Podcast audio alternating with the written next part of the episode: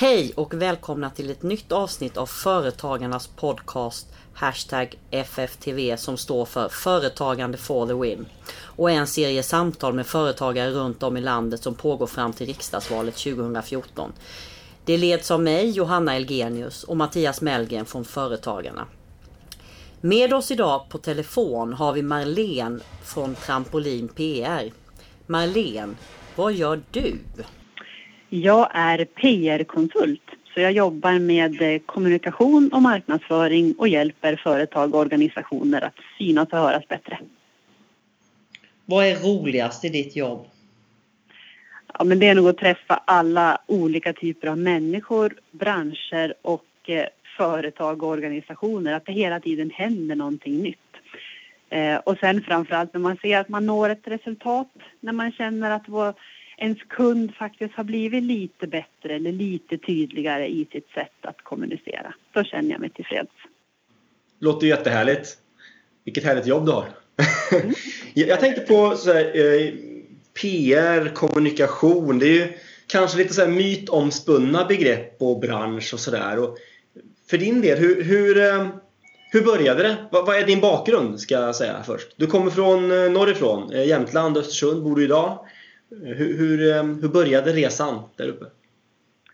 Ja, eh, jag vet inte riktigt hur långt jag ska backa men min resa började i Hälsingland, det är där jag kommer ifrån. Och eh, ville flytta norrut när jag skulle plugga på högskola och universitet. Hamnade då i Östersund, läste någonting som heter turismvetenskap som mm är en marknadsekonomutbildning med inriktning på service och tjänsteföretag flyttade till Stockholm, jobbade där i några år med marknadsföring och ville sen så småningom dra mig norrut igen. Och då var Östersund en lagom storstad. Eh, så att jag har jobbat mycket inom turism och besöksnäringen med marknad och kommunikationsfrågor. Men efter några år så eh, hamnade jag på en PR-byrå här uppe som hette Begriplig PR. Den finns inte idag men då var den stor.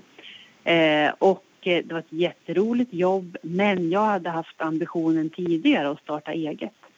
Och på det här jobbet, på det här företaget, så träffade jag min kompanjon Helena. Vi kände inte varandra utan vi träffades där. Och vi hade haft samma drömmar om att starta eget men båda hade också haft ett behov av att ha en partner. Så när vi hittade varandra och insåg att vi båda ville starta eget, båda ville göra våran grej av det här med PR då gjorde det slag i saken. Och eran grej, vad, vad är eran grej? Vad... Våran grej är PR på norrländska, mindre snack och mera verkstad. Eh, vi upplever att våran bransch, du sa själv någonting om att den är så lite mytomspunning och jag kan känna att våran bransch upplevs eh, vara att man ska gärna ha en svart polotröja och hänga i snygga kontor på Stureplan och prata strategiska snygga ord. Eh, och vi kan känna att ja, men det som verkligen behövs är att vi gör någonting av alla de här fina strategiorden. Eh, så att vi tycker att först ska man planera definitivt, men i lagom måtta därför att man måste orka fram till genomförandet också. Man måste mm. ha både energi och pengar kvar att genomföra sina aktiviteter efter att man har strategiskt jobbat fram dem. Det är jätteintressant detta att höra men jag måste ändå gå tillbaka lite. Hur började du? sa att du alltid hade haft en dröm om att, om att driva företag och starta eget. Hur, hur kommer det sig? Var får man den drömmen ifrån? Alltså, jag vet inte riktigt. Jag kommer ju inte från ett företagarhem så det kommer inte bak alltså från föräldrarna att de har liksom drivit på. Eh, utan jag tror att det har liksom grott in i mig och känt att ja, men att kunna bevisa för sig själv att man kan. Eh, för innan man startar företag så tror man att det är svårt och stort och krångligt och, och tänk att ha någon anställd och herregud och det finns regler. Ja men det låter väldigt stort. Och någonstans så är nog jag en person som känner att ju, ju mer utmaningar desto mer spännande blir livet. Om man testar något man aldrig har gjort istället för att göra något som man alltid har gjort så är det ju roligare med något nytt. Och det är nog så jag har känt lite, att jag någon gång vill kunna bevisa för mig själv att driva företag, det kan jag göra. Men det här tycker jag är så intressant. Vad var det när du innan just den här, den här att, att man tror att det är så svårt jämfört med vad som faktiskt var det svåra? Var det någon skillnad? Eller, eller om du går tillbaka när du planerade att du skulle starta det här företaget. Vad trodde du då var svårast i rollen och vad blev svårast sen? Eh, ja, men jag tror det man är rädd för innan man startar, det handlar bara om, om eller bara, men jag tror att det handlar mycket om pengar. Alltså mm. man är rädd att inte kunna tjäna några pengar. Och då är ju egentligen säljet. Kan jag sälja mig själv eller min produkt? Grejen var att jag hade startat en enskild firma innan. Eh, och då hade jag svårt med det. Jag hade svårt att sätta ner foten exakt vad det var jag kunde, vad det var jag kunde sälja, vad jag skulle kalla mig. Eh, och gick liksom lite grann bara på meriter av vem jag var som person och fick några uppdrag. Men otroligt svårt att sälja mig själv. Eh, och jag vet inte om det är kvinnligt eller manligt eller någonting, men just att sälja sig själv var svårt. Men när jag då fick en kompanjon sen så blev det istället att då kunde jag sälja Helena och Helena kunde sälja mig. Och då blev vi starka i varandra eh, och blev tydligare i vad det var vi kunde och vad det var vi ville sälja. Så att det svåra innan, det tror jag är säljet. Man tror inte man ska mm. kunna tjäna några pengar. Eh, och när det sen väl kommer till kritan, när man driver ett företag, då tror jag att det svåra är att hantera eh, ska säga, dalar och, och toppar. Mm. Man mm. kan aldrig säga nej. Så istället så har vi ju hela tiden hamnat i det här läget att man jobbar för mycket. Därför att man vågar inte säga nej, för imorgon kanske jag inte får något nytt jobb. Eller nästa månad har jag kanske inget. Lika bra att tacka ja nu. Eh, och så kan man inte leva i hur många år som helst, att jobba för mycket heller. Mm. Hur många år har, har ni drivit Trampolin? Eh, till årsskiftet så blir det fem år. Mm. Du pratar om här om din kompanjon Helena eh, och du nämner också att, eh, att det är väldigt positivt att ha en kollega. Finns det några, några negativa aspekter eller utmaningar att, eh, att ha en kompanjon? Det finns det säkert och jag tror att jag hade inte kunnat driva företag med vem som helst utan eh, några grejer som, som har funkat för oss och som jag tror är bra förutsättningar det är att dels är vi inte barndomskamrater. Vi känner inte varandra sedan tidigare. Vi känner bara varandra som affärskollegor och inte som kompisar. Det är en bra förutsättning. Eh, och sen så har det visat sig under de här åren att även om vi kan tycka olika saker och tänka olika saker om diverse grejer så har vi någon form av grundsyn som är väldigt lika. Vi har väldigt lika grundsyn på pengar och arbete. Eh, och jag tror ju att är det något man blir oense om någon gång så är det pengar. Mm. Det är väl det man ofta hör om, om, när det har gått åt skogen att det är pengarna som har varit en bidragande orsak till och det kan man ju förstå, det är viktigt för, för den. Har, när, när bråkade ni senast? Du och Helena? Eh, Nej men du, jag har nog inget svar på det. vi ska inte hänga ut någon som inte kan försvara sig. nej, vi är definitivt, nej precis, men vi är definitivt oense om olika saker. Men eh, vi bråkar inte riktigt. Nej. Hur var det, hur länge var det bara du och Helena och när började ni att anställa? Hur lång tid tog det från det att ni bestämde för att nu ska vi verkligen satsa på detta och anställa vår första medarbetare? Jag tror att det tog ett och ett halvt år ungefär. Eh, vi, eh, vi sa ju upp oss från vårt förra jobb mm. samtidigt och då när vi sa upp oss då hade Helena dessutom en två månaders bebis. I början så var det mycket jag som jobbade mot kund och Helena jobbade mycket med interna saker och så. Och sen klev hon på och jobbade så vi jobbade heltid båda två. Men sen så ett och ett halvt år tog det ungefär. Mm. Eh, och det är kul att du nämner det här med första anställda för jag känner att det det är nog det största steget man tar. Att mm. gå från ingen anställd till en anställd. Även om vi redan försörjde två personer så var det en helt annan grej. För vi hade ju bara ansvar för oss själva. Mm. Men helt plötsligt skulle man få ansvar för någon annan där man har lovat att de ska få lön den 25 varje månad och man har lovat att det ska vara semester och det är utvecklingssamtal och allt vad det nu ska vara. Så att, eh, det var ett stort steg. Hur många anställda är ni idag? Eh, vi är fyra anställda plus då Helena och mig. Så sex försörjer företaget. Sex stycken, ja. Mm. Och den första anställda, arbetar hon eller han fortfarande kvar hos er? Nej, hon slutade för några månader sedan och då ville hon starta eget. Jaha, så nu har ni fått ytterligare en konkurrent? ja, precis. Hon är ganska nischad så att vi, det, är ingen, det är ingen farlig konkurrent utan vi har försökt att önska henne lycka till. Eh, och hoppas att det går bra för henne också såklart. Men eh, det här är ju svårigheten med mm. konsultbranschen, helt klart. Att man antingen går till en uppdragsgivare som man har fått bra relation med eller att man känner att man vill starta eget. Det var ju så vi själv startade en gång i tiden. Mm. Hur, det här tidigare företaget när, ni, när du och Helena träffades, hur reagerade er tidigare arbetsgivare när ni sa att vi säger upp oss, vi ska starta eget och konkurrera med er? Mm. Eh, det, var, det var så komiskt för att de var också två delägare och jag upplever att de reagerade ganska olika. Eh, den ena eh, i princip önskade oss lycka till, förstod, för hon hade själv varit i samma situation. Eh, och den andra tror jag blev mycket mer besviken och, och ledsen över det här och kände att det kändes ja, fel. Nu ska inte jag svara för vad de kände och tyckte men jag upplevde det så att de mm. reagerade lite olika i alla fall. Mm. Du, ni gick ju från anställda då och egna. Jag förstår att det är ju, det är ju väldigt stor skillnad men eh, alltså, i, i jobbsituationen om man bortser från det här med att man drar in sina egna pengar för att få sin egen lön och sådär. Vad, vad är största skillnaden i, i, eh, i det vardagliga? Um, alltså i, i, i, leverans mot kund så är det ingen större skillnad utan vad som kanske är skillnaden nu är att man indirekt så blir ju vi någon form av förebilder eftersom vi driver det här företaget. Det är ju vi som sätter ribban och nivån för vad Trampolin PR som varumärke står för. Eh, och på något sätt så blir ju vårt sätt att agera gentemot kunder eller och hur man levererar och allt det där, det blir någon form av facit. Eh, och då, det har man både med sig i sina tankar att det gäller att vi agerar på ett bra och proffsigt och rätt sätt så att andra kan hänga på. Mm. mm. Du nämnde förebilder här. Vilka förebilder har, eh, har du själv?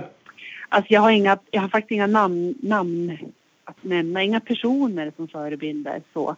Däremot så tycker jag ofta att företagare generellt är fantastiska människor. För jag kan tycka mm. att, åh gud, att de vågar. Men människor som vågar starta företag där det ingår väldigt mycket grundfinansiering det tycker jag är modigt. Att våga ta lån på banken och att våga liksom köpa in massa utrustning. För det har ju inte vi gjort utan där tycker, då tycker jag man är modig. Så att, det skulle jag någon gång vilja göra men dit har jag inte vågat än.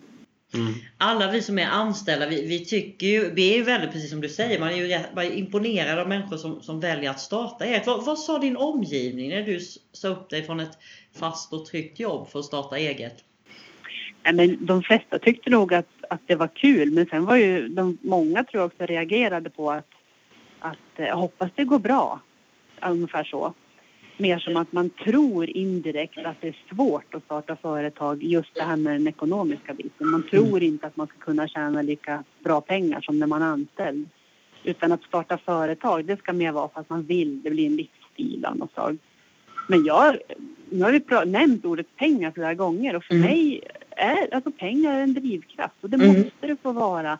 För jag skulle inte vilja driva företag om jag tjänade mycket, mycket mindre än vad jag hade gjort som anställd. Hade det varit så, då hade jag slutat. Hur blev det då? Blev det mer eller mindre i plånboken sen du blev egen företagare? Det blev mer i plånboken, men det blev också mer tid. Mm. Mm. Vilka andra är drivkrafterna? Om bortser från pengar har du nämnt här. Finns det något mer som är som du kan säga det här är därför jag, jag gör det jag gör? Ja, men det är nog en, den här tillfredsställelsen i att eh, få, få bygga upp någonting och bestämma över någonting. Eh, och liksom forma någonting. Hur det än är, även om man är anställd i ett väldigt öppet företag så får du ju inte bestämma allt själv. Och det, det tycker jag, det trivs jag med. Mm. Om, man tittar på din... Eh, du har ju drivit det här företaget under ett antal år och, och så. Det finns säkert en del brytpunkter i ditt företagande som du anser att här hände det någonting. Här bytte vi riktning eller här var en, ett nytt kapitel i företagandet. Kan du dra någon sån här liten eh, kapitelbladvändar eh, från ditt företagande? Jag tror att det hänger nog nästan mest ihop med eh, medarbetare. Det är där kapitlen mm. vänds. Och mycket är det för att vi är ett kunskapsföretag. Vi säljer ju våra timmar, vi säljer kompetens. Och då blir medarbetarna de viktiga punkterna. Så den första är ju när vi tog in vår första medarbetare. Det är ju ett stort kapitel. Eh, att våga ha någon som, våga släppa ut någon annan i vårt namn och dessutom ha ansvaret för en annan person. Eh, sen skulle jag nog säga att eh, ett annat kapitel i vår historia, det som kändes viktigt, det var, det var egentligen vi tog in vår andra medarbetare. Och det gick inget bra. Det, vi, eh, eh, det funkade inte, vi trivdes inte ihop, det kändes jätte, jättejobbigt. Och då hade vi ett otroligt stöd i att vi var två delägare som kunde prata om hur vi skulle hantera det här. Men det slutade med i alla fall att vi gick skilda vägar. Mm. Eh, vi lärde oss mycket från det, känner jag. Eh, och sen kanske den tredje stora biten, det var nu i, här i augusti-september. Då hade ju då vår första medarbetare sagt upp sig och slutade i april och så sa vi så här att nej, för en gångs skull så ska vi ta in två nya medarbetare fast vi egentligen bara har jobb för en eftersom vi alltid har haft för mycket jobb. Mm. Eh, så att då gick vi faktiskt då från fyra till sex. Eh, och det var ett stort steg för helt plötsligt så händer det saker i företaget och i våran lokal att folk liksom pratar och driver saker utan att Helena och jag alltid är involverade i allting som vi alltid har varit tidigare. Eh, och det var en häftig känsla att, att känna det. Mm. Jag är intresserad när ni rekryterade och det blev en, en, en, felaktig rekrytering för just det här jobbet. Vad var, det, vad var det som gjorde att det blev det? Ja men det, var, ja, men det var flera saker och vi kände nog det nästan när vi var på väg in i det men vågar väl inte lyssna på det, det örat riktigt. Eh, nej men lite grann så känner jag att eh, vi blev förblind, förblindade av en titel. Eh, det lät bättre än vad det var kunskapsmässigt och framförallt så kände jag att eh, den här personen inte alls pratade samma språk som vi gjorde. Eh, och vi kände inte alls samma trygghet med att skicka ut och möta kunder och känna att det var ett trampolin PR-sätt utan det var ett helt annat sätt som den här mm. personen mm. agerade. Så det handlade ju om liksom den sociala kompetensen. Mm. Jag ska inte säga att den var dålig utan den var bara annorlunda mot mm. hur vi ville ha det. Och man kan inte omforma människor på det sättet utan där är man som man är. Så vi kände att det här kommer inte funka. Tror du att ni som ett relativt liksom ett, ett, ett företag där två starka och två starka ägare som också jobbar i verksamheten att eran kultur, på, på vilket sätt påverkar det er företagskultur tror du? Jag tror att den påverkar mycket, eh, men också för att vi pratar mycket om det. För vi, vi jobbar ju lite grann med de här frågorna. Vi jobbar ju med till exempel att hjälpa företag att utveckla sina varumärken, att stärka sina varumärken. Och därför så har ju vi de tankarna i oss. Vad är vi mm. för företag? Hur vill vi uppfattas på för sätt? Eh, och eftersom vårt företag består idag nu av sex personer så måste ju alla de sex personerna vara budbärare av vilka vi står för. Så vi har ju liksom jobbat med mycket värderingar och vad vill vi att våra medarbetare ska få för, få för eh, möjligheter när man jobbar hos oss? Vad ingår det för typer av utbildningar? Vad har vi för interna möten och hur ska de hanteras? Allting så har vi en tanke med att det ska bygga vårt varumärke. Mm. Eh, ja, kan man säga. Vi har till exempel så har vi kreativa torsdagar. Var tredje torsdag ungefär så har vi en kreativ torsdag och då, då har vi ett tillfälle när vi träffar alla medarbetare och så är vi kreativa åt våra kunder eller oss själva eh, utan att de betalar för det. Det vill säga mm. vi jobbar utanför ramarna och försöker hitta nya roliga idéer åt dem. Ja, vad spännande. Vad, vad händer då? Berätta mer. Det är lite jättespännande. Ja, men då, vi väljer ut i förväg vad det är vi ska jobba med. Det kan vara att jag har en kund där jag känner att jag bara levererar det de vill ha men jag känner att vi har möjlighet till mersälj om vi bara kommer på en bra idé. Och då leder jag liksom lite grann den idétanken eller workshopen tillsammans med oss andra. Eller så kan det vara någon medarbetare som har att, att min kund här, de skulle vilja synas mer på, på nätet och i sociala medier. Men vi måste hitta på idén för hur. Ja, men då Mm. spånar vi idéer kring det. Så det är klart att det är väl som vilket spånande som helst. Men vi har försökt att konceptualisera det och så säger vi att en kreativ torsdag, då har vi vissa saker som måste uppnås. Och det ska vara att man ska ha bekväma kläder, det ska vara gott fika, det ska mysigt, man ska stänga av telefonen. Ja, men vi har en liten checklista för Lite, lite regler sådär. Ja, Mm. precis. Det skulle jag också vilja ha på mitt jobb. Kreativa torsdagar. Det är jätte, jättebra.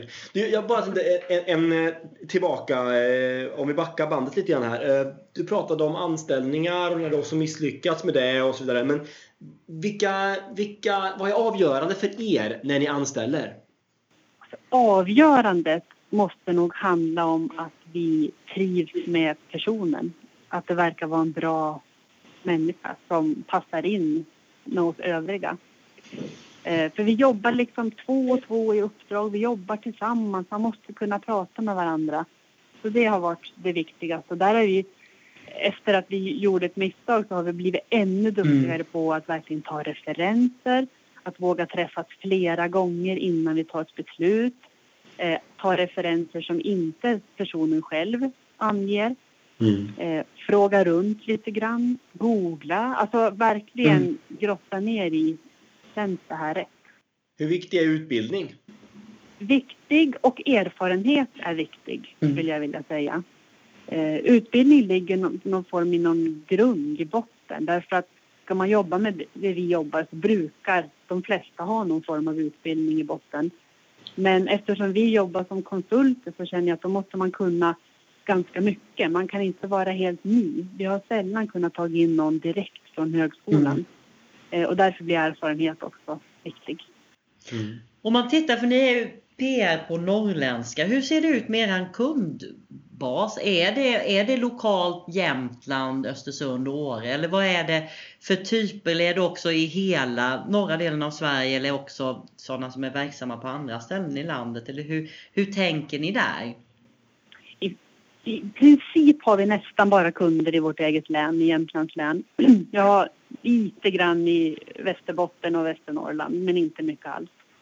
Eh, och vi har väl sagt så här att just nu så består vårt företag av väldigt många småbarnsföräldrar. Och småbarnsföräldrar är inte så intresserade av att göra resor och ska man ha kunder på andra orter så innebär en hel del resor och det innebär att komma hem sent på kvällen eller sova över. Mm. Så att vi är inte riktigt där och det handlar mycket om personliga skäl. Och det är väl också en anledning att kunna få driva företag för då bestämmer man själv Mm. vad man vill satsa på. Just det här med många småbarnsföräldrar. Vad är, vad är skillnaden att vara chef för småbarnsföräldrar? Du har ju använt det lite. Men är det någon, något sådär som man får tänka extra på när det är många med små barn som jobbar hos en?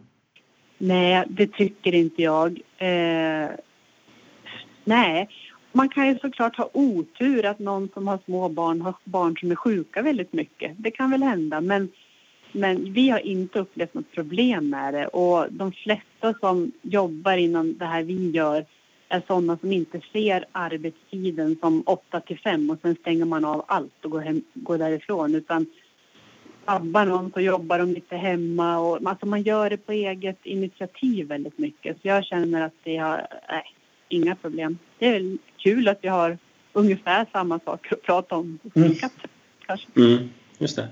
Fin- Finns det, det pratas så mycket om det här med, att, eh, med eh, lagar och regler och, och sådär med, med eh, sjukdom och vab och allt det Upplever ni att det är någon, något så här hinder eh, för, för er i expansion just med de bitarna med att ha småbarnsföräldrar som, som anställda och, och, och generellt också förstås? Rent politiskt. För expansionen, jag skulle inte säga att det är de typen av lagar och regler som hindrar. Eh, om man väl vill anställa då, då gör man liksom det ändå och då kommer då tyvärr vissa regler på köpet. Eh, vi hade under en period en medarbetare som var sjukskriven och det är klart att då känner man, då känner man sig som företagare att man får liksom dubbel börda. Det första är att man måste lösa den personens jobb för vi, har ingen, vi kan inte ta in en ersättare, en vikarie. Eh, och så dels så ska vi lösa det genom att vi ska jobba extra. Och sen ska vi också lösa det genom att vi ska betala sjuklön de första två veckorna. Mm. Så där kan jag känna att det känns mest förjäkligt Men eh, det hindrar inte från att anställa. I så fall skulle jag hellre säga att det som hindrar från att anställa, då är det mer arbetsgivaravgifter. Mm. Att de är för höga? Ja men absolut. Mm. Det, jo men det är ju så, för det varje gång vi har anställt så har vi ju haft för mycket att göra. Så till slut har vi känt att äh, nu går det inte längre, nu måste vi ta in en till. Eh, vi skulle vilja anställa lite tidigare och på så sätt kunna liksom använda vår tid till att eh, planera en expansion och planera en utveckling och jobba mer med vårt företag. Eh, men man vågar inte ta in anställda så pass tidigt därför att de kostar så mycket. Vi vill ju ha täckning för det första hand. Då kan vi gå tillbaka till varför man från början inte vågar starta företag. Man är rädd att inte klara av det ekonomiskt. Mm. det blir ett hinder framöver. Har ni planer på att expandera, anställa framåt? Eh, det vi har sagt hittills är att vi ska bli åtta personer inom fem år och nu har det gått ett av de fem åren. Så att, eh, kanske två till då, men inte fler än så. Hur ser du annars om du ser framöver, låt säga om fem eller tio år? Kommer, eh, kommer du fortfarande driva och äga trampolin eller kommer du, tror du göra något annat då? Jag tror att jag kommer att driva och äga Trampolin PR, men jag tror att jag kommer att göra något annat också. Det är nog min bild. Jag är jättesugen på att starta ett till företag och det har vi pratat om, Helena och jag, om. Om ska någon av oss göra det eller ska vi göra det tillsammans? Att vi för en liten dialog om det. Men det gäller att hitta idén och vad det ska vara. Men jag tror att vi är lite sugna båda två så småningom. Mm. Så det är mer så att ni är sugna på att starta ett nytt företag och letar efter idén än att idén finns och därför måste ni starta ett företag, eller hur? Ja, lite så. Ja, spännande. Ja. Mm. Där kan jag säga, det här var nästan komiskt, men allra från allra första början, säkert fem år innan vi startade, det var första gången som jag verkligen till mig själv kände att nej, jag vill starta företag. Och då gjorde jag så här. Då gick jag upp till Almi och så sa jag så här, vet ni vad, jag skulle vilja starta företag. För jag tror att jag ska vara bra på att driva företag. Vi har ingen riktig idé. Men jag tänkte att ni träffar säkert massor med personer som har bra idéer men som inte är så duktiga företagsledare. Kan inte ni para ihop mig med någon så kan vi starta företag tillsammans? jag tyckte att idén var så himla bra men det tyckte inte de. För de yes. menar på att nej vet du Marlena att det där man måste nog brinna för sin idé och, och så du får fundera lite till över vad du vill göra. Så, att, så var det med det. Mm. Men är det inte så här generellt att, att det finns väldigt många som, som, som går i de tankarna som du just gör, eller gjorde? Att man vill driva företag, man kommer inte loss för man har inte idén. Och samtidigt så går ett himla gäng med människor där och har massa idéer och jättesmarta innovationer och allt vad det kan vara, både, både som anställda och som studenter eller vad det kan vara. Men man kommer liksom inte man kanske inte vågar eller man kanske inte har kapital eller man kanske inte vill riktigt. Så visst vore det bra med en matchning där mellan, mellan eh, både kapital och idébärare och, och entreprenörer som vill driva företag. Det är ja. kanske där du har din företagsidé, starta en sån matchningsföretag. så kanske det... Ja precis, jag ska hitta vart jag tjänar pengarna bara på det. Vad, vad, är drömmen framåt då? Säg att du fick, eh, du fick göra vad som helst i hela världen men inte driva PR-byrå. Vad skulle du göra då? Men något jag har pratat om att jag skulle vilja driva en internetbutik och det är mest av nyfikenhet. Jag skulle vilja lära mig hur det, hur det funkar, eh, vad som är svårigheterna, framgångsfaktorerna. Men där känner jag att där måste jag, jag vet inte vad jag ska driva för butik. Jag måste driva någonting som jag brinner för. Jag skulle inte kunna sälja smink, för jag sminkar mig inte så mycket. Alltså lite så, jag måste hitta mm. vad det jag brinner för. Eh, och det har inte jag gjort. Och det finns så mycket idag, så det gäller att hitta sin nisch. Eller någonting som är, alltså något mer fysiskt. Vi säljer ju timmar. Jag skulle vilja sälja något mer produktaktigt. Det skulle vara mm. roligt att prova. Just det. Ja, det är ju två helt olika mm. Eh, businessmodeller förstås. Produkt kontra tjänst. Vad tror du det är, eller tror du du kan definiera något i din barndom eller under uppväxten på något som har präglat dig som har gjort att du har blivit den här entreprenörskraften? Nej, alltså, analysera kanske inte min starka sida men jag är äldst av tre syskon. Mm. Eh, jag bodde ett år i USA som utbytesstudent. Det tror jag har påverkat mig mycket utan att jag har tänkt på det. Vad var det som påverkade dig i, i, i USA först om vi tar det? Nej, men lite grann sådär att där, man gör mycket. Det, är ju, mm. det händer mycket, man tar hand om sig själv. Eh, man tar tag i saker, bestämmer saker, vill saker. Jag, ja, jag valde ju mycket fritidsintressen och mm. man engagerar sig i teater och det blev, ja det var mycket, mycket egna beslut i tidig ålder. Ja, och att vara stora syster är väl nästan som att vara företagsledare Ja, det kanske, jag vet inte, det kanske är så, men det skulle kunna vara en sån där grej, tänker jag. Eh, men annars har jag svårt att peka på exakt mm. vad det skulle kunna vara för någonting. Eh, nej, jag vet faktiskt inte mer än kanske de två. Mm. Och jag, jag, gillar ju det här med här misslyckanden och att se misslyckanden som ett tillfälle att lära sig nya saker. Och det är en fråga som jag gillar att ställa också. Är, eh, för din del, vilka misslyckanden ser du som de kanske största? Förutom det här med anställning som vi berörde tidigare. Det var en svår fråga, men jag skulle vilja säga två saker. Jag vet inte om det är exakt svar på din fråga, men Eh, det ena är någonting som jag, det jag verkligen lärde mig någonting av i livet. Det var när jag var relativt ung och jobbade på ett lite större företag. Och då kommer jag ihåg så här i efterhand hur jag verkligen reflekterade över att men att hon borde ju gå i pension. Hon bara sitter och gaggar och tycker saker. att jag var ung och ny och hade liksom ny kraft och nya idéer. Och att jag lite grann såg ner på den här äldre personen som mm. jag kände inte tillförde så mycket. Eh, men i efterhand så har jag verkligen kunnat reflektera över att den här arbetsplatsen med den mix av människor som vi var hade aldrig gjort så bra grejer om inte vi hade varit den här mixen. Så det där tillfället lärde mig att mm. se olikheternas tillgångar. Eh, nu var det ålder i det här fallet, men det finns ju andra olikheter. Eh, och det Nej, jag känner i efterhand att hade någon hört mina tankar så hade det inte hade det varit ett misslyckande. Mm. Men jag mm. lärde mig mycket av det. Hur jobbar ni med det, den erfarenheten idag på trampolin? Ja, jag kan säga så här, jag är oerhört glad över att vi när vi tog in våra två nya medarbetare nu lyckades eh, rekrytera två män. För vi var nämligen fyra kvinnor innan. Mm. Mm. Och det har känts som ett, ja det känns jätteroligt att vi kunde få till den mixen. Eh, sen, har, sen är vi... Vi jobbar inte jättemedvetet. Nu är vi ju bara sex personer. Utan det viktigaste har varit att anställa den bästa möjliga medarbetaren för just det behovet vi har just då. Mm. Eh, men vi är relativt lika i ålder och som jag sa mycket småbarnsföräldrar. Men det har helt enkelt blivit så. Det har varit de bästa vi har plockat. Mm. Misslyckanden och, och eh, lärdomar i, i företagarkarriären då?